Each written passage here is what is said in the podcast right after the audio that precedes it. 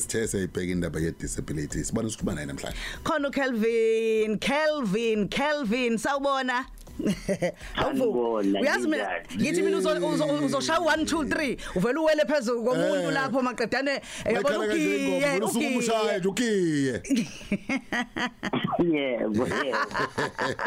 Siyakuvusa la ulela uthi good morning. Ngithi mina usakhuluma good morning ngo December sakonakele awu awu masiqaleni unyaka nje. Ehe. Qaleni unyaka. Nayo ke leyo vo nayo ke lo voice. Kelvin Ratladi simazi kakhulu ke njengomlingisi eningizimu Afrika eh futhi ke nokuthola ke aqoqe nezindondo ezihlukahlukene eh sizokhuluma naye kube seshilo usigqemeza mayelana kakhulukazi njengoba sazi ukuthi ngomhla ka 3 December ila kusekhulunywa kakhulukazi nge- ngosuku olubalekile emhlabeni wonke International Day for Disabled People. So ke ke ingakho sithi ake siqale thina namhlanje njengevuka Africa Breakfast Show. Siyakubingelela ke mfethu sithi ke happy Christmas. Happy christmas nakini naba nabalandeli benu. No uyazi eh ngiyazi ukuthi abaningi bakwazi eindaweni ezihlukahlukene hey kuyishaka ilembe hayi mfethu wayenza into yakho. yiyo ugoloza lapha. Sangoma. Yebo ayi into enzima leya kakhulu kakhulu. Ha ha ha mfethu. Manje akwenzeki ukhohle yonke la ama lines ngoba phela kufuneke wenze le yanto hayi mfethu hayi no ninelinye khona kodwa. Cha cha usemsebenzini ukhohlwa njani umsebenzi? Hey hey hey ha, manje mfethu sebeyakushaya lapha bafuna ukukushisa bafuna angisakhali mina lapho babasa umlilo. Hey mfethu hayi no ngicanti kwawena wawusuthukile kodwa ngakubona ke lapha lapha naye. Uyashiswa Yebo, la. hayi nami bese ngithukile ukuthi hawu ngiyayiqiniso manje vele se- se- sekunjalo impela. Wawusufisa ukuthi eh, 10111 wekathi bakagijima? Ah, ngalesa sikhathi beyangekho u-10 triple one. Into sengifike kuleso sikhathi. Mfethu eh sikhuluma nawe nje ngoba eh, m- wenze iningizimu Afrika eh ya- yabona eh, u- u- umuntu okuthiwa ukhubazekile eh, eh, ngenye indlela kuneminyaka edlule esibuya kuyona. Sizokhuluma ngegama elikhulu la ngiyafisa leli gama olichaza. Eh ngiye ngithande lamagama am- amakhulu ngweza ukuthi asho ukuthini. Okay angiyalibona leli elichazwa ngesingisi kodwa ngifuna leli. eh, lobusayensi kuthiwa yini? Kyphoscoliosis. Kyphoscoliosis. Ayi ngalishaya ngalishaya Kelvin. yini Yebo, kai kyphoscoliosis, ikyphoscoliosis yes. nazo ke yini le? Yipi eh uk- ukukhubazeka okakhulu oku oku okubhekane ne ne ne ne spinal. Spine. cord and kancane ku ku affecta ukuhamba u- uhambo buwe kodwa kaningi ku- e- e- e- esayidini lami eh i affected that much. I- mangibheke mangibhake mangiqathanise nabanye abantu. Mhm mhm yebo. Okay. Kusho ukuthi eh u- u- uhlobo noma isimo sokukhubazeka la othola ukuthi umuntu akakwazi ukuhamba ngendlela eqondile njengabanye abantu engathi ungahamba ugobe. Yebo. Eh iphinde futhi ithinte kakhulukazi umgogodla ispinal cord.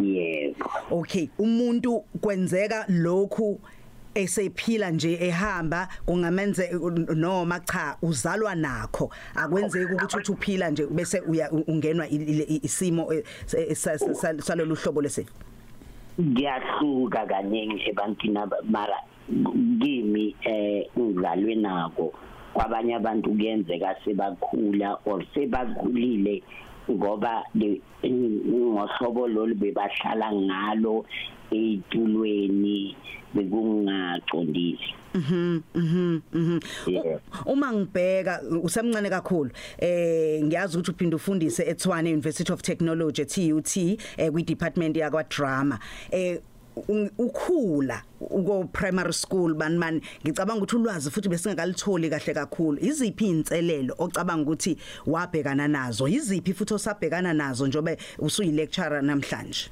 Yes. Eh ukukhuluma iqiniso em akusi inkinga eziningi engingabhekana nazo ngoba umama mi from ukukhula kwami wayenza ukuthi ngingayi ngingayi eh, ku special school ukuthi ngikhule ku- kuyikolo nje ezifana nawo wonke umuntu ukuthi wonke umuntu nomphakathi unujwayele ngwazi na. So ngikhule nje ngijwayele ukuthi ngikhula nabantu nje and wonke nomphakathi bewuzibonela umntwana nje ofana nabanye abantwana. So nanoma ngifika e evarsity bekingahlukanga kakhulu kona. Into ebeyihlukile ukuthi for eh ukuthi nangu umuntu okubazekile uzofunda idrama kokuqala empilweni. Ngiyabuka ukuthi eh se- size sikhuluma nawe nje la ngoba sikubona uvelele komabona kude eh nangekhono onalo elimangalisayo mfowethu Kelvin.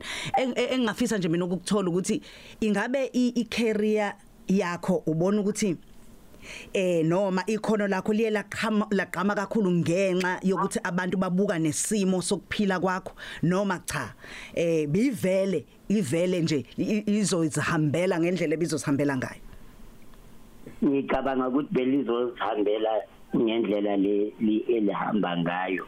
Ngoba i- kuba nzima ukuthi imihla nemihla uye kuma audition yo auditionela imidlalo o ama role ongabhalelwanga wona into osuka ungena u- uzama ukuthi at least ukuthi loyo producer or director makakubona abone nje ukhono lwakho ukudlula lana em ukukhubazeka kwakho akudali ukuthi nje i-director or i-producer imani risk ithi sizame si si- siyenze into ehlukile Yeah. than le aba aba- abantu ababukela i-TV bayijwayele. Ya ya ya ya uyazi ngiyacabanga ukuthi mhlambe okunye nje lokhu eh we Kelvin okwakwenza ukuthi nawe uzuthi hayi uyazi ake ake ngizame elinye ikhona ke ngibe udirector eh ke ngibe eh, i playwright ke ngibe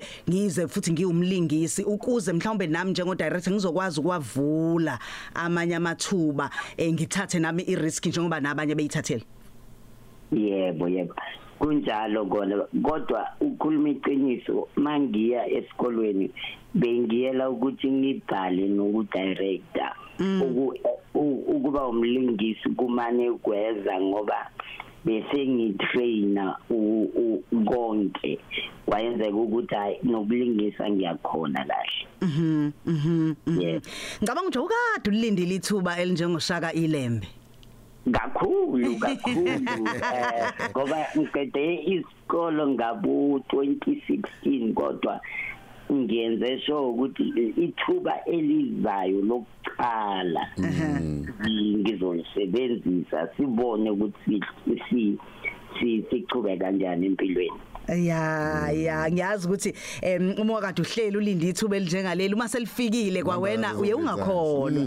Uye ungakholwa sigqemeza ukuthi hayibo eh sekunjalo ngempela kodwa ke bese wenza isiqiniseko sokuthi aku- akukungeni ekhanda. Uyabona? Uqhubeke kube uwena. leyo leyo futhi important kakhulu ukuthi nje ah, ingangeni ekhanda ukuthi ni ni ni ni nekusasa lakho lu- luchubeke Mm. Abantu abaningi bathi ngikhubazekile. Angeke ngikwazi Yeah. ukwenza lutho. Eh futhi nomphakathi eh ungitshela lokho. Nangendlela noma ungasakhulumanga kodwa izenzo zawo ziyangikhombisa ukuthi akukho engingakwazi ukukwenza. Uthini kumuntu nasenganeni elalele njengamanje? Eh nakumzali wengane olalele. Ukuthi kuyenzeka. Eh kaningi ngayibhekisa kakhulu kubazali ngoba nami ngibheka u- i- ngendlela umzali wami angikhulise ngakhona. Iqala kumzali ukuthi athembele emntwaneni wakhe u- u- u- u- u- u- whether ukhubazekile or akakhubazekanga. Then leyo nto on its own i- i- i- inika umntwana i- i- i- umdlandla wokuthi achubeke aphile athembe ukuthi hayi naye uzokhula abe yenye i- ingxenye yomphakathi Mhm. Ngiyakuzwa. Uzokhula abe ingxenye yomphakathi kodwa futhi khona khona lapho zibe khona eh, izinselelo. Izi iphi into njalo ekseni angathi mhlambe uma evuka eh, umntwana othi ngikhubazekile eh, noma umuntu omusha noma nje umuntu omdala mhlamba ayifake engqondweni yakhe ukuze akwazi ukuthi abhekane nosuku aphinde futhi achieve zonke izinto ayidalela ukuthi abe yizona. yebo into engingasho ukuthi ayihlukanga kakhulu no- nomunye nomunye umuntu Yeah. Ukuthi nje ukhule uzibuze ukuthi empilweni eh uzibone ukudlula ukukhubazeka uzibone nje umuntu nawe ufana nomunye umuntu beyond even ukukhubazeka kwakho. I think into yokuqala nje mawuvuka uzibuze nokuthi la emhlabeni kahle kahle yini le? Engivele yona engiphathiswe yona ukuthi nami ngifikise ebantwini. Kufana nami naku ukuba umlingisi noku noku noku noku noku khipha izitori for abantu. Mm khona eh enye interview engayithanda ngangikulalela ukukhuluma ngayo kodwa nje ngathanda ngabamba isentence elilodwa la ukuthi khona the character is not about my body but about the acting technique. Was washo wathi as you can see i follow the camera with my eyes. Ngayithanda le nto yes yes yes yes yes yes. No eh ukukhuluma iqiniso eh mangena kushaka ngayenza i i-decision yokuthi as much as ngi- ngi- ngilingisa lo mdlalo le lo muntu ebathi ugoloza ngifuna ukuthi kusasa mase mbheka ugoloza kungabi ngomzimba wakhe phela but kube nangokhona alethile ukulingisa lo muntu ebathi ugoloza esingamanzi hey. Bethu kulungile isikhathi sohlala siphoxa njalo sikufisela konke okuhle. Khona okunye okwenzayo ngale kweacting mhlawumbe incwadi ozoyikhipha in ini njalo njalo. Uwe- uphuma uyo motivate ingane ngoba phela bakhona abanye abantwana basa nabazala basafihla ingane ukuthi oh kube njena angifuna abone umphakathi njalo njalo. Eh kwamanje ukukhuluma iqiniso eh ngifocus kakhulu ekufundiseni abantwana into zedrama. Eh kodwa also kunama campaign esiwabhekile woku okucuzela abantu ukuthi baphe imali ezisizo nikeza abantwana emavasithi ngoba siyazi ukuthi indaba yabantwana kuba evasithi bahlale bangadrop out into evamile efanele ukuthi nathi mase silingisa saziwa. Sibuye sincede ukuthi wonke umuntu a aye e- e- e- e- esikolweni. Na bethu abanga kakhulu sifisela konke okuhle nangonyaka ozayo futhi ngokunjalo ubonge mina. Okay. Rosa sibheme sakholwa kubeke washo umroza ikhulumile ke lensizwe yakhe. Uyabona ukuthi umuntu ukhume konke eh uCalvin Ratlati so nawe umuntu nomntwana okhubazekile musuku umfihla umcashise. Talent lakhe lizobonakala. Okwenzekile kwenzekile kodwa ke umuntu usenakwazi ukwenza zonke izinto sakwazi ukuactor adume njengakho umfowethu ekhona.